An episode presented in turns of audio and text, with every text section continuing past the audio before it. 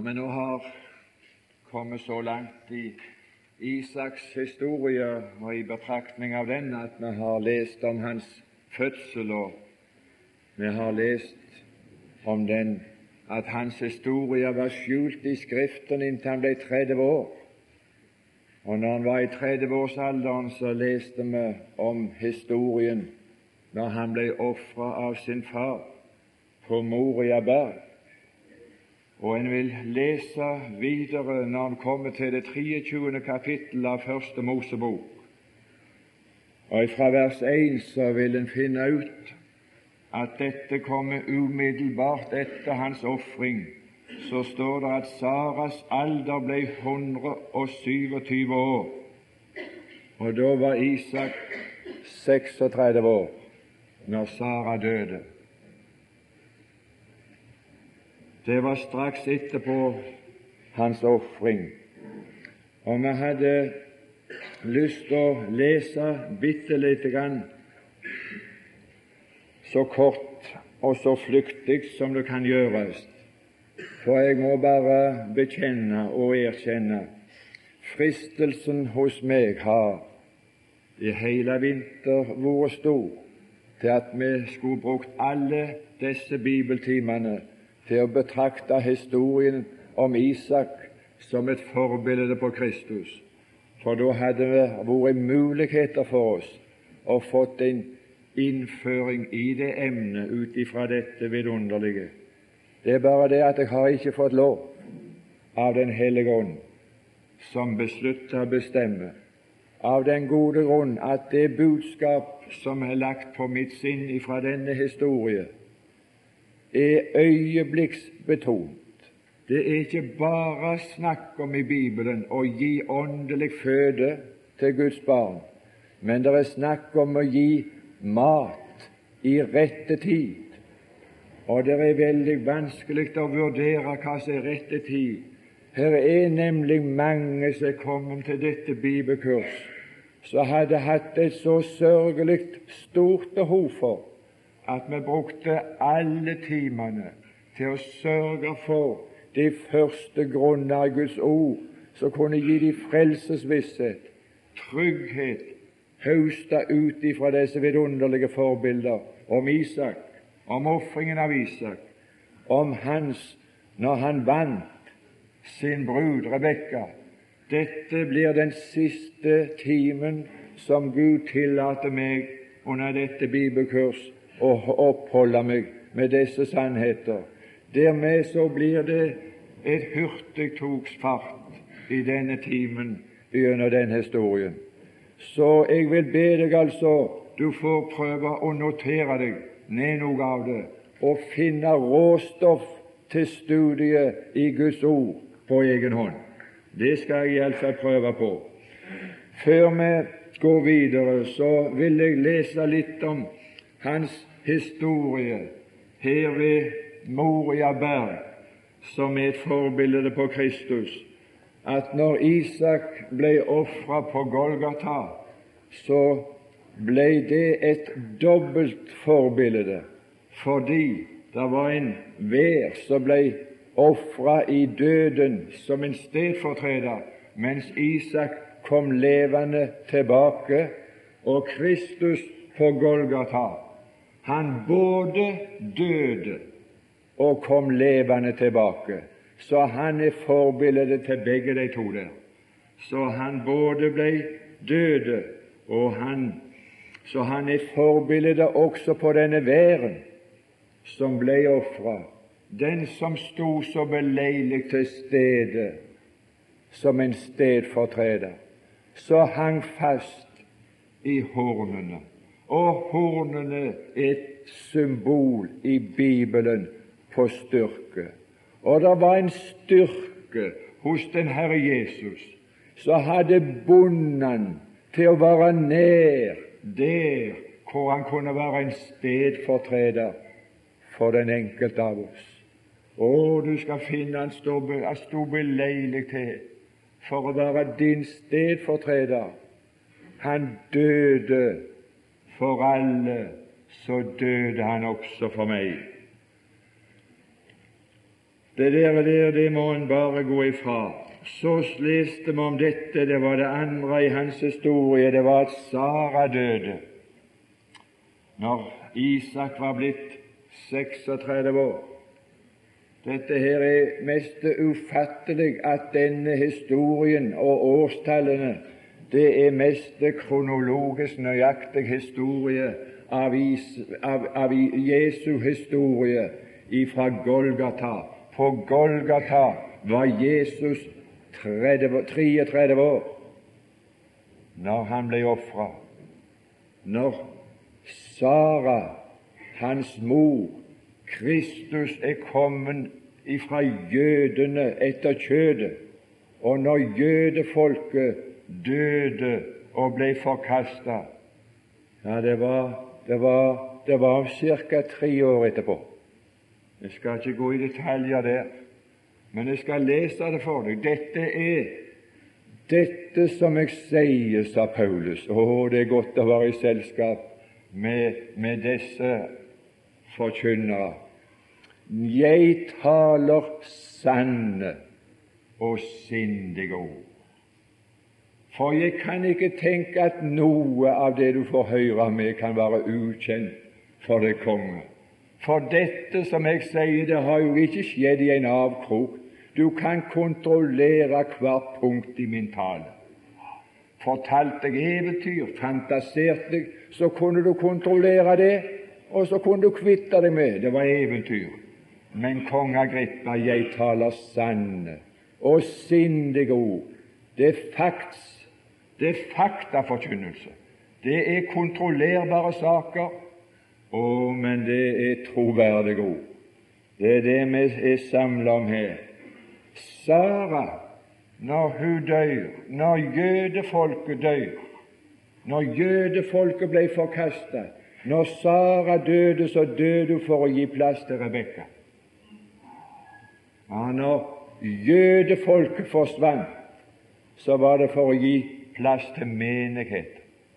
Her er bilder, her er historie, her er det noe som er interessant å grave fram, som ligger under denne beretning. Gud i himmelen gi at du ikke hører at Arnold Bjerkreim vet dette her, og at du hører dette men at du lærte å lese Bibelen på denne måten at du ser det sjøl. For det er det der står.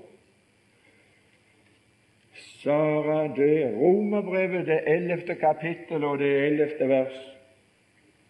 Ved jødenes fall er frelsen kommet til hedningene. Det var aldri snakk om noe Rebekka så lenge Sara levde.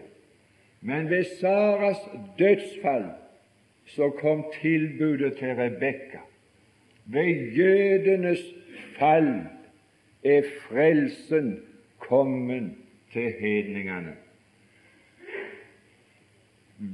Den andre tingen som står i forbindelse med Sara, som er bildet på jødefolket, det er at Abraham holdt en sørgehøytid over sin vers 2.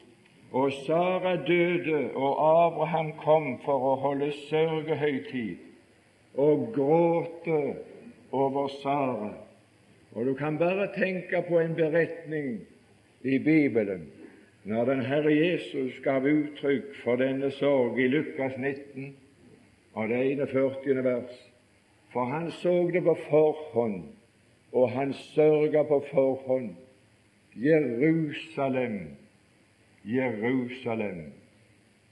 Og så gråt han når han så byen. Visste også du, om enn først på denne din dag, hva som tjente til din fred, men det er skjult for dine øyne. Men det skal komme en fiende som skal slå deg til jorden og dine barn i deg. Og det skal ikke levnes stein på stein. Jerusalem, som er selve symbolet for jødefolket, det er utryddet. Det døde, det gikk ut av eksistens. Og ved Jerusalems undergang så kom frelsen ut til jordens ender, til hedningene. Jeg skal ikke si mer om enn å bare lese det punktvis. Sara blei begravd. Og i vers 19 Deretter begravde Abraham Sara sin hustru etter at hun var død. Og det kom en begravelsesdag. Og begravelse i Bibelen, det står i vers 4 at det betyr La meg få et gravsted, så jeg kan føre min døde hustru bort og begrave henne. År 70 så ble jødefolket ført bort, og de ble begravd iblant hedningefolk over den hele denne verden. For her står at dette gravsted som Abraham fikk fatt i til å begrave og føre sin døde hustru bort i, det var et gravsted som han kjøpte seg av en kjempe, av en fiende. Han begravde ikke Sara hvor som helst. Men i vers 19 så står det Deretter begravde Abraham Sara sin hustru i hulen i Makpela-merken. Og den Makpela-merken, det var ei merk som man måtte kjøpe dyrt av en kjempe. Jeg skal ikke heller si så mye mer om det, men han var kjøpt for sølvpenger. I vers 16 så veide Abraham opp det sønn som det var talt om i påhør, slik som var gangbar i handel. Jeg skal ikke heller si mer om det. Det var mye som jeg burde ha sagt, mye som ville være så interessant at det kunne fascinere både unge og gamle. Du kan være ganske sikker. Men her er ikke det som vi er interessert i, i mest, for her er så kolossalt mye som vi trenger for vår åndelige sjel i denne beretning. Men jeg hadde lyst til å si dette om jødefolket, at når Gud begravde dem, så har Han ikke forkasta dem for alltid. Når Han begravde dem på denne måten, i hulen i Makpela-marken, så var det østen for Mamre, og det var det er, står der, det er godt med Luthers forklaring. Den, den, den likte jeg godt når jeg gikk på folkeskolen. Jeg syns synd på de som ikke har funnet opp i dens forklaring. Der sto et skriftsted, og så sto det 'dere', og det var, det var en veldig god. Men jeg har funnet en som er bedre enn Pontoppidans forklaring. Det er Bibelens forklaring til seg sjøl. Ja, det er der. Der står at Mamre, det er Hebron, og Hebron, det er samfunn. Det betyr samfunn.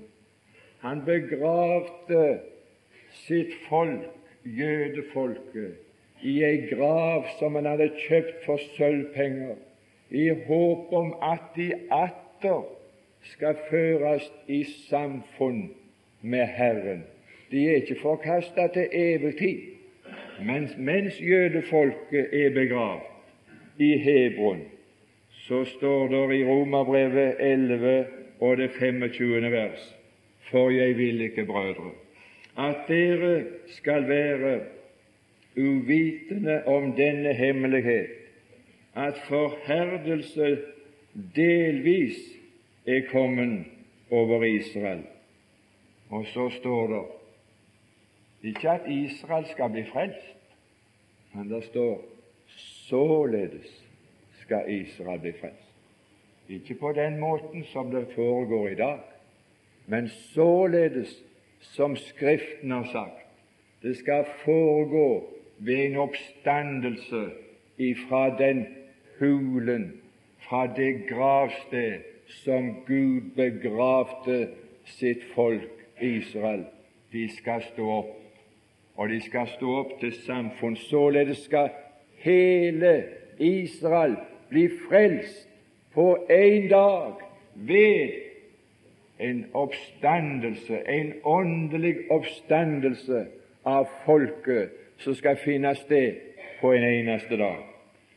Jeg er ingen Israels forkynner. Det er ikke aktuelt å tale så mye om de sannheter, for det kommer ikke til å skje mens jeg er på jorda, og det kommer ikke til å skje når det er troende mennesker på jorda. For Guds program i denne husholdning, Isaks tidshusholdning Isak er den personen i Bibelen som karakteriserer nådens husholdning, som begynte ved pinsedag og skal avsluttes ved bortrykkelsen.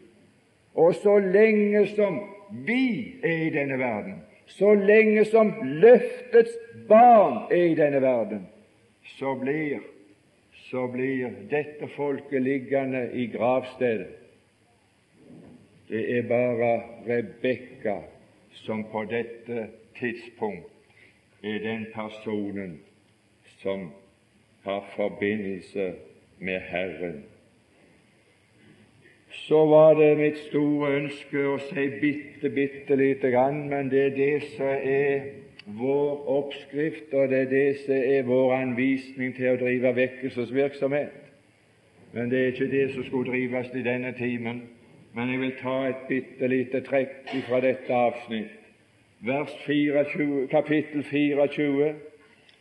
Da ser vi Faderens omsorg som blir åpenbart når Faderen drar omsorg for å finne en hustru for Isak.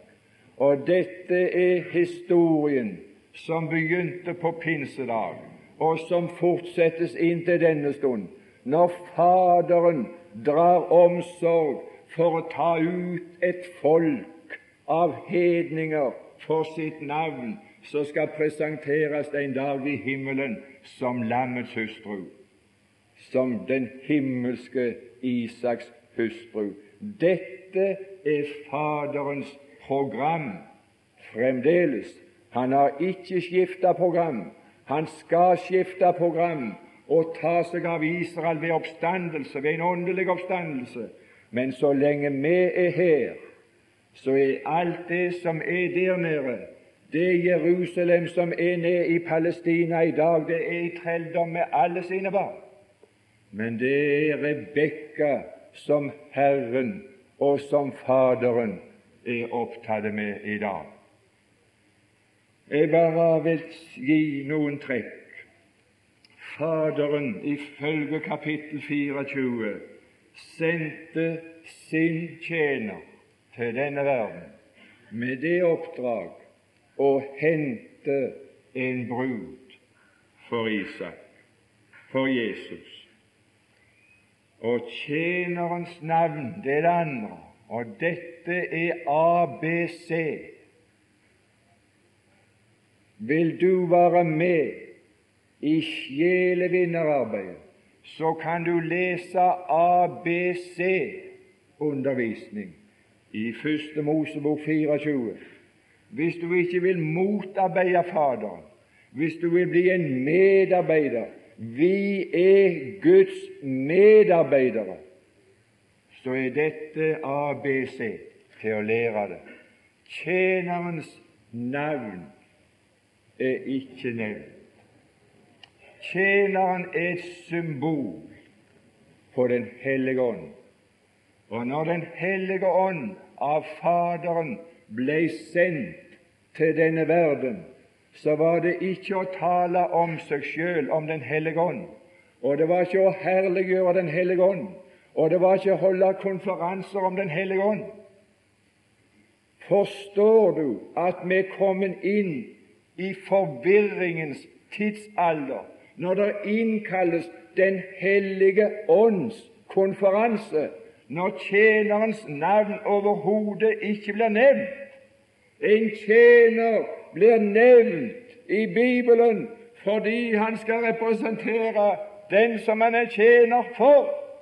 Men det er Faderen som sendte Den hellige ånd som en tjener til denne verden. Og når Han kommer, sa Jesus, så skal han aldri tale om seg sjøl, men han skal herliggjøre Kristus. Han skal tale om Faderen, og han skal tale om Sønnen på en sådan måte at en hedning kvinnes hjerte blir inntatt i denne Faderens kjærlighet og i denne Sønnens hjertelag, og at de sier ja, det er å bli en sjelevinner. Der kan du lese det. Og tjenerens bønn. Denne tjeneren hadde en bønn, og den bønnen har vært min bønn etter den dagen jeg kom i dette selskapet, når jeg kom i selskap med Den hellige ånd, når jeg ikke drar ut på, på, på, på, på møtevirksomhet alene. Det har jeg vært spart for inntil i dag. Og hadde jeg reist her inn alene, så hadde jeg aldri sagt ja. Men mitt privilegium det er at jeg er alltid i selskap med Den hellige ånd ikke fordi at jeg pleier alltid samfunn med Den hellige ånd, men Gud har sagt at Den hellige ånd alltid skal sørge for å ha samfunn med meg. Det er ikke jeg som blir kalt til samfunn med Den hellige ånd, men det er Den hellige ånd som Gud har kalt til. Du må sørge for alltid å ha samfunnet han har nå. for han er min. Så han er alltid her. Aldri alene jeg er. Den hellige ånd har Faderen sendt for å ha samfunn med oss alle som tror på den Herre Jesus. Det er ikke du som skal søke samfunn Ånden, men Den hellige ånd sørger for å pleie samfunn med alle de troende. Den hellige ånds samfunn være med eder alle punktum. Ikke plusse på noe, og ikke trekk fra noe. Ikke begrense det. Alle de troende har Gud kalt Den hellige ånd til å pleie samfunnet. Ja, det er vidunderlig. Tjenerens metode for å vinne en brud for Isak er omtalt i dette kapitlet, og vi har ikke tid, for det er ikke vekkelsesmøte. Men her kan du hente vekkelsestekster, Trond. Så står du opprådet for tekster når du skal vinne sjela for Herren, så vil jeg oppfordre deg les det i Første Mosebok 24. Du skal aldri gå tom. Du skal aldri bli oppbrent. Han hadde et ubegrenset forråd av denne tjeneren. Han kunne til alle tider tale om en fader som var rik, og så kunne han til alle tider tale om at denne faderen hadde en sønn som han hadde gitt all sin rikdom. Og så var det bare et spørsmål vil du, vil du reise og dele og forene din framtid med denne? Det er bare det som er vårt oppdrag. Vi er kalt til å ta ut et folk av hedninger for Guds navn. Vi er så skrekkelige i Norge. Vet du hva vi er kjent for? Skippertak. Kraftuttrykk. Enten-eller. Enten så, så ligger vi strekk ut og tar det med knusende ro, eller så driver vi vekkelsekampanje. Enten så, så, så, så er bedehuset tomt, eller så har vi aksjon. Og når vi har aksjon, ja, da er det verden for Kristus. Da må alle vinnes. Det kunne ikke være modig mindre. Kunne ikke være modig mindre enn å ha mottoet 'alle verden for Kristus'. Tenk å vinne ei sjel. Ei sjel. Ta ut ei sjel. Å, at jeg i alle tilfeller kunne vinne noen. Så hadde han ei bønn, og det var den bønna jeg har. Og den bønna står der 'Herre, La min reise lykkes. La det bli sånt i dag når jeg møter noen, at det er noen som sier ja. Herre, la min reise lykkes. Jeg er ute for å hente en brud til å dele framtiden, himmelen, som Kristi brud. La det, la det lykkes for meg i dag. La det være noen som sier ja i dag. Mer kan jeg ikke si. Jeg hadde så lyst til å si noe til de som er her. Jeg hørte første kvelden når jeg fikk lov å hilse på noen her. Ei jente jeg hadde fått et brev ifra, og så hadde hun funnet en venninne, og så sa hun jeg har med meg ei som nettopp har sagt ja til Jesus. Og jeg hadde så lyst til å si noe godt til deg i denne timen. Ifra det første Her skal du få lese historien ifra det første øyeblikk som Rebekka hadde sagt ja. Ifra det første øyeblikk ei unge jente, en unge gutt, uansett alder, gamle Ei gamle som sier ja først på alderdom. Skal vi lese historien om Rebekka etter hun svarte ja. Det første det står da i det 61. vers. Etter at Rebekka hadde svart ja i vers 58, når hun ble spurt vil du reise, så sa hun ja, det vil jeg. Vers 61. Og Rebekka og hennes piker gjorde seg ferdig, og de satte seg. Det var det første hun gjorde når hun hadde sagt ja. Det er det første du trenger etter at du har sagt ja til å få sette deg. Jeg glemmer aldri et mandagsmøte om jeg kommer til ja, Selv om jeg skulle bli en med tusen av dem som skulle leve det opp og bli 969 år, så tror jeg at det er noe jeg aldri kunne glemme. Og det er et mandagsmøte som Hjalmar Berg-Hansen hadde på Ådeland bedehus for en del år siden. Det Du verden for et himmelslys han ga Og så leste han opp en masse forskjellige oversettelser fra alle verdens bibler. Han kan visst all slags. Jeg har aldri hørt på maken til mennesker. Så, så leste han opp forskjellige bibeloversettelser om tro på meg og tro på Gud. Og det å tro på Gud, det var og det samme som å sette seg ned. Du ser når du har stått lenge Å sette seg ned jeg, jeg, trodde det at jeg hadde visst hva det vil si å sette seg ned på en stol, men det hadde jeg ikke visst før det møtet. Jeg hadde praktisert det, men jeg visste ikke hva det betydde. Det å sette seg ned på en stol, det er å bli kvitt byrden av seg sjøl. Det å tro på Jesus samme det første du blir kvitt Du blir kvitt byrden av deg sjøl. Rebekka satte seg, fordi nå ble hun kvitt byrden av seg sjøl. Hun satte seg ikke i løsa lukta, for der kan ingen sitte. Da blir det stor fall. Ja, Da slår du det. Ja, Så blir du blå. Og det hadde vi ikke lyst til at noen av de nyfrelste at de skulle inviteres til å sette seg i løsa lufta. Bare kast deg ut på de 70 000 favners dyr det er filosofi. Det er den høyeste form for kristen filosofi. Og så, og så sier de at det, at, det, at det er en som har sagt det, som sier nei, det har jeg aldri sagt, sa Jeg har boka hjemme. Det er det eneste som jeg kjenner i forbindelse med den personen.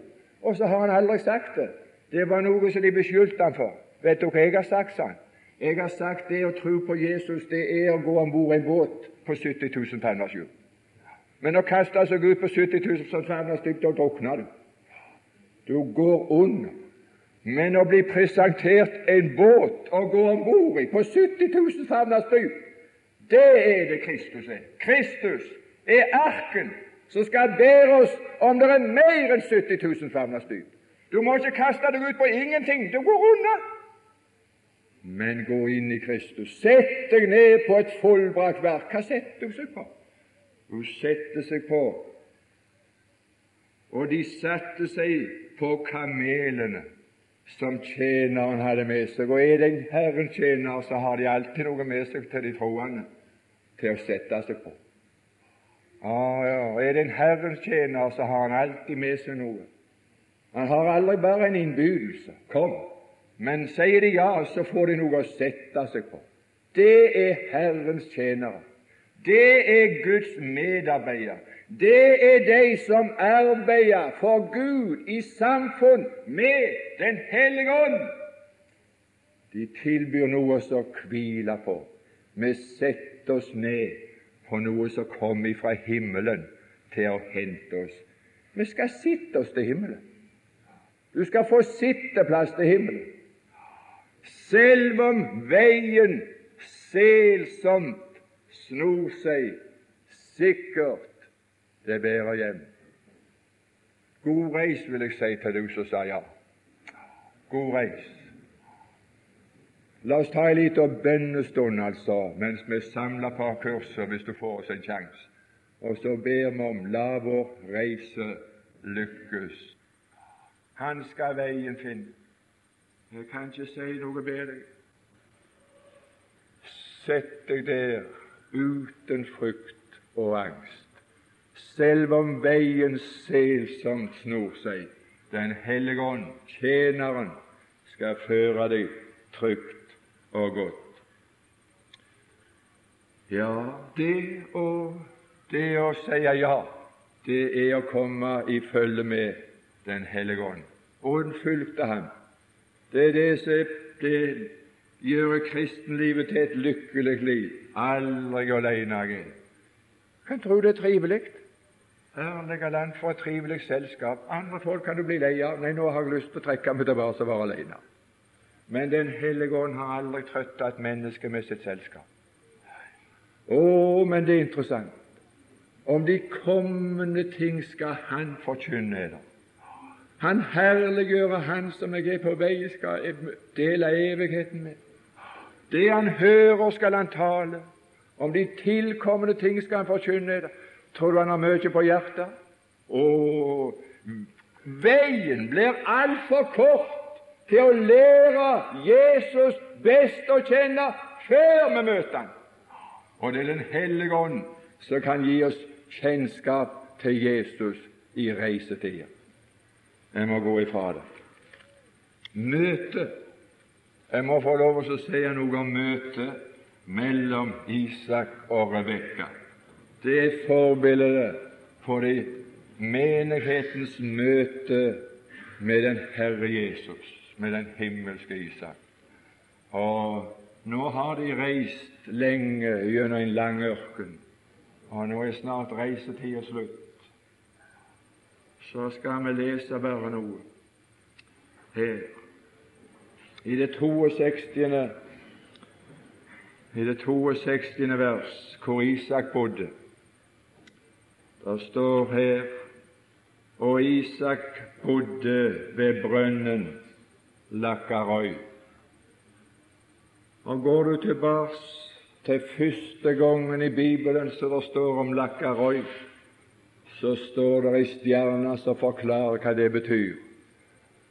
Lakkaroi betyr den levendes brønn som ser meg. Og det er bare én som har en kilde, den levendes brønn. Det er bare én som er levende, og det er Gud, den evige Gud. Du er den levende Guds sønn, sa Peter. Var kommet til troen på at Gud og Jesus det er en som har det vitnesbyrd at han lever, og at han ikke bare lever, men at han er levende. Vi har en skrekkelig misforståelse og misbruk av ord på norsk, vi som sitter her. I vanlig tale så forstår vi oss slik at vi er levende alle sammen. Her vet du hva som er sannheten om oss. Vi er døende alle sammen av oss. Vi er døende. Og jeg får daglig mest Nei, det var litt sterkt sagt, men det er mest sånt. Du får iallfall regelmessig meldinger om at noen som du trodde var aldeles sprudlende levende, nå er de ikke lenger. De er døde. De var døende. Og det er ikke når de er gamle de er døende, men de er døende fra ungdommen av. Men det er en som har det vitnesbyrdet at han lever, og at han er levende og har vært levende og vil bli levende i all evighet. Den levendes kilde. Og det er en som bor der, og det er hans sønn, Kristus Jesus. Han bor der, og han har også dette vidunderlige vitnesbyrd. Og det som gjør at jeg er frelst, og at jeg er på vei der, og det som skjedde med meg den dagen jeg sa ja, den dagen jeg fikk syndenes forlatelse, ja, det hendte noe som Gud gjorde. Kolossenserbrevets andre kapittel og 13. vers, det burde du aldri mer glemme. Det er enkelte bibelvers du burde kunne uten at du kunne si hvor i verden du havna hen. Tenk om du en dag skulle miste Bibelen, være på en plass ikke har Bibel. Du har ikke noen annen Bibel enn du har i hukommelsen. Hvor store Bibel har du hvis du ikke kunne få lov å lese Guds ord? Hvis du ble blind?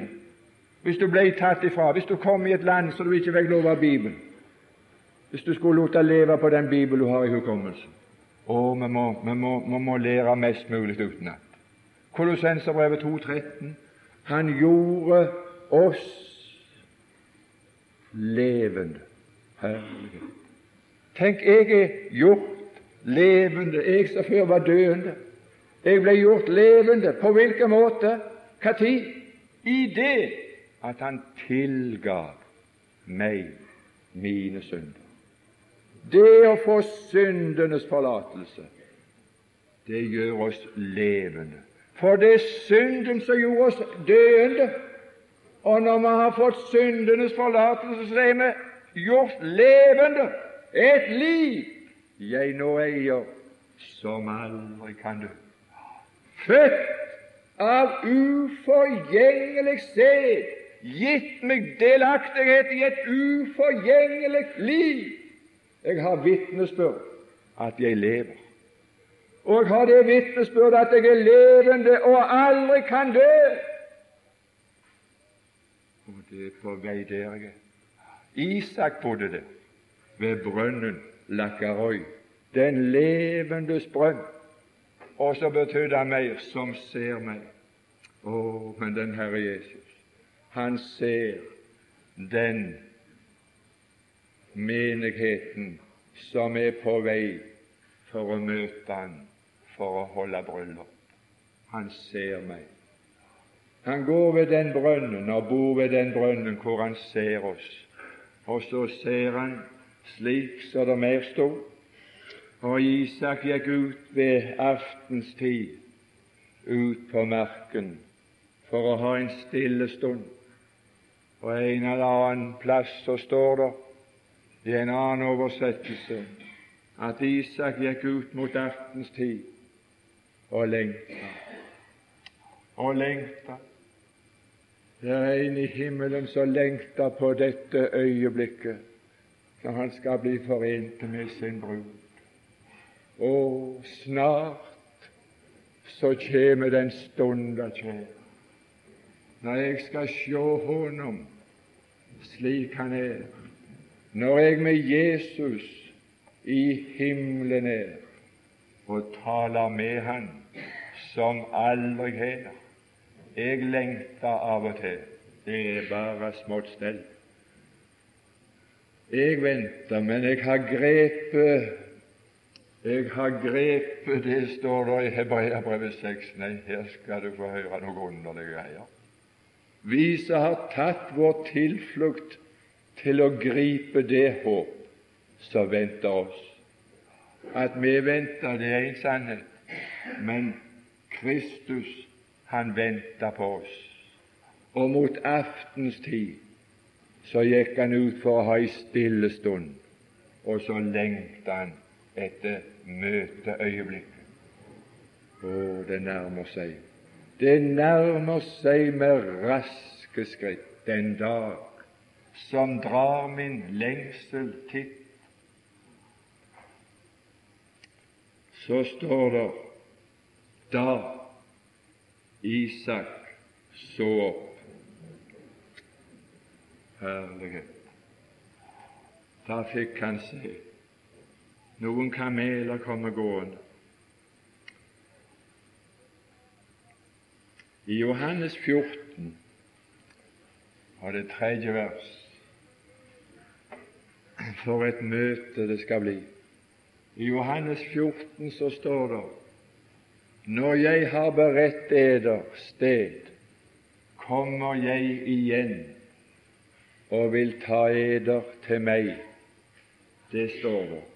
Men hvis altså at jeg kom inn Enten jeg var på besøk hos Berg-Hansen og fikk se et vidunderlig bibliotek Han tok meg inn i biblioteket, men han bor i biblioteket. Han, det var et eneste bibliotek hele hjemmet hans. Herlighet. Men hvis jeg hadde nå kommet inn der den dagen og så, og så tatt ei bok Det hadde ikke vært fint av meg. Tatt Det hadde rett og slett vært stygt. Men hvis jeg hadde kommet hjem til han og, og mottatt ei bok, da hadde det vært en som ga meg ei bok, og så hadde jeg tatt imot. Og når det står i Johannes 14, så står det når jeg kommer igjen og vil motta en Han tar ingen, men han skal motta. Og den han skal motta menigheten av, det er tjeneren som har ført oss trygt frem på kamelenes rygg. Han skal motta oss av Den hellige ånd. Filippenserbrev, det første kapittel, det sjette vers. Og det skal leses uten begrensning, og det skal leses uten mulighet for noen her å komme med noen kritikk. Og den som vil kritisere, han kritiserer iallfall ikke han Arne Bjerkreim, men han kritiserer Gud, og han kritiserer Guds ord. Og når jeg tretter med deg, sa Jeremias, så har du alltid rett, og jeg har alltid gale. Så jeg vil advare deg å komme i konflikt med Guds ord. Om du synes at det strider imot dine meninger og dine oppfatninger, du må aldri finne den stridende imot Guds ord. Filippenserbrev 1,6 For jeg er fullt viss, og jeg er fullt viss på dette, at Han som begynte en god gjerning i eder, Han at Han skal fullføre den inntil Jesu Kristi dag. Den som begynte en god gjerning i meg, det var tjeneren. Det var Den hellige ånd som kom her og talte om Faderen og om Sønnen på en sådan måte at mitt hjerte ble inntatt i Herren og ble glad i Han uten å sett Han, Han som vi ikke ser og dog tror på, han som vi ennå ikke kjenner, men vi elsker han. Han begynte en god gjerning i oss, og den er ikke slutt ved dødsdagen. Jesu Kristi dag, det er bortrykkelsens dag. Det er når Kristus kommer ned ifra himmelen til luften. Så skal han se at Den hellige ånd kommer ifra verden opp i luften med alle de hellige. Så skal den Herre Jesus motta de hellige, de troende, av Den hellige ånd. Og det står videre Og tjeneren fortalte Isak det han hadde gjort. Og Den hellige ånd skal fortelle til den Herre Jesus hva han gjorde, hva han gjorde når han fant meg, hva han gjorde når han fremelska et ja hos meg. Han skal fortelle hva han har gjort for å få meg hjem, hva slags besvær jeg har hatt, hva slags vanskelige terreng det har vært. Men det er Han som har gjort det. Tjeneren skal fortelle Isak hva han har gjort for å få Rebekka hjem. Oh, For en vidunderlig, for en vidunderlig dag. Og grunnen for at det sto dette vidunderlige i Filippenserbrevet 1,6, at jeg er fullt viss på dette, at Han som begynte en god gjerning i dere, han skal fullføre den inntil Jesu Kristi dag. Det er rimelig for meg å tenke således om eder alle. Er det rimelig for deg å tenke sånn?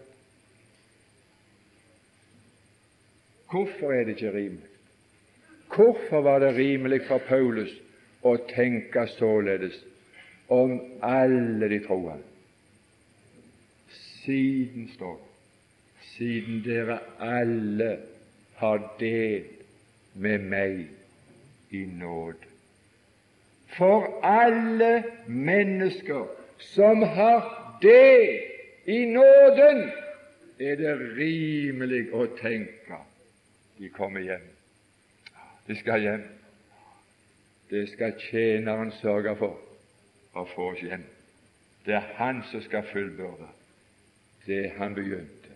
Vi skal sitte og hvile på kamelene, styrt av Den hellige ånd. Han fører oss trygt hjem. Ett ord til slutt. I, i, i, i dette så står det og Isak førte henne inn i sin mor Saras telt, og han tok Rebekka hjem. Jeg har et hjem, et rom i himmelens saler. Når, når vi kommer, så kommer vi hjem. Han tok ikke Rebekka en eller annen plass. Han tok Rebekka hjem. En sang som skal synges også på dette bibelkurset, om Gud gir oss anledning til å fullføre kurset. Og det er sangen 'Vi, vi vandrer hjem', for å bo blant dem som synd og sorg ei kjenner.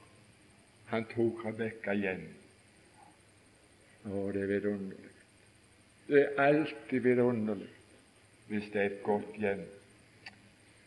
Det var helt forferdelig en gang jeg var på Mosby, og så skulle vi kjøre opp fem mil og ha møte en annen plass.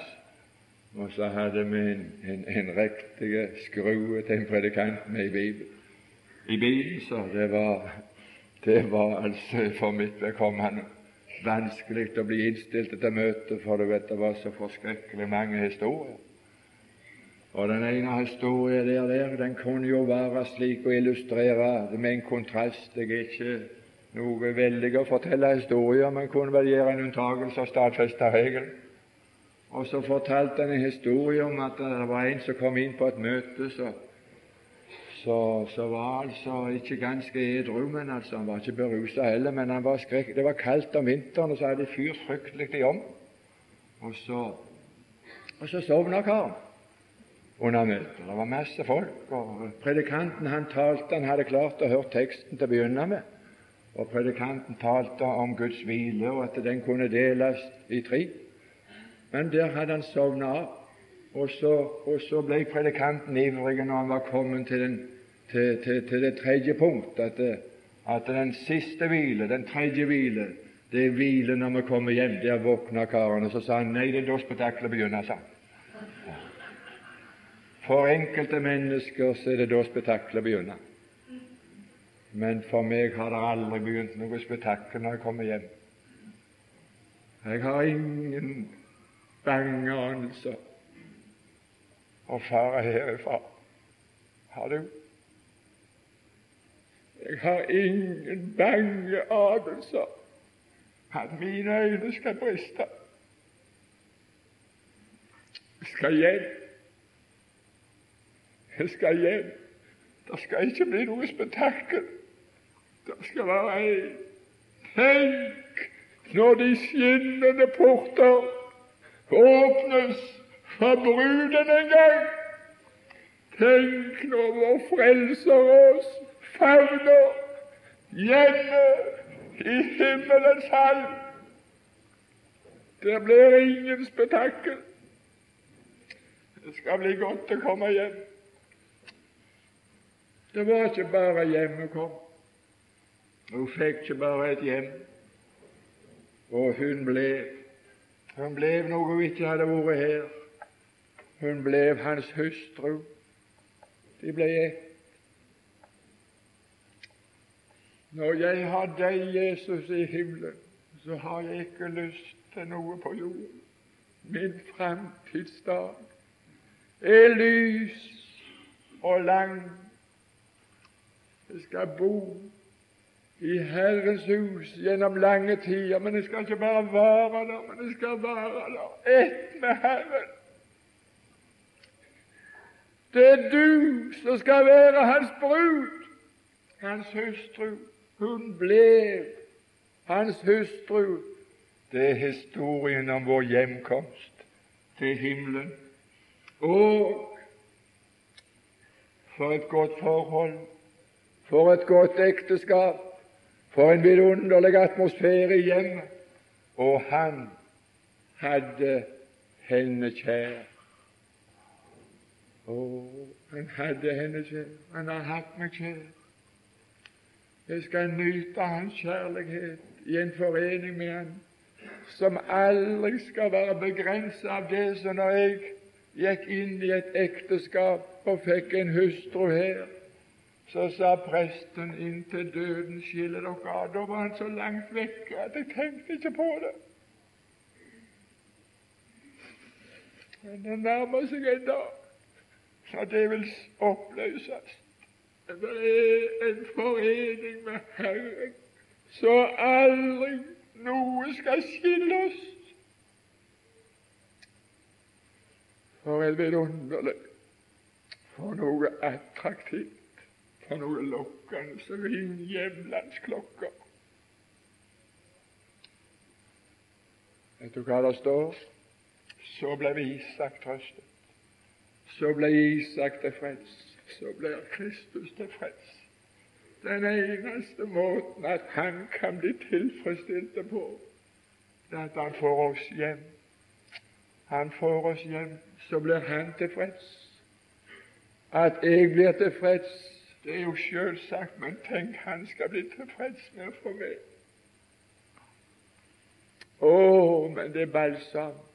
Herre Jesus, med på ditt åsyn, på hellig grunn, med tilbering. Vi vil forene oss i vårt sinn, vår ånd, i vårt innvortes menneske og gi uttrykk for Å, hvilken lykke! Og deg tilhører takk at også jeg fikk være med. Din gode gjerning du selv fullfører til jeg står fri og frelst i evighet. La oss få lov å bli trøst av ditt ord, alle som er til stede her. Amen.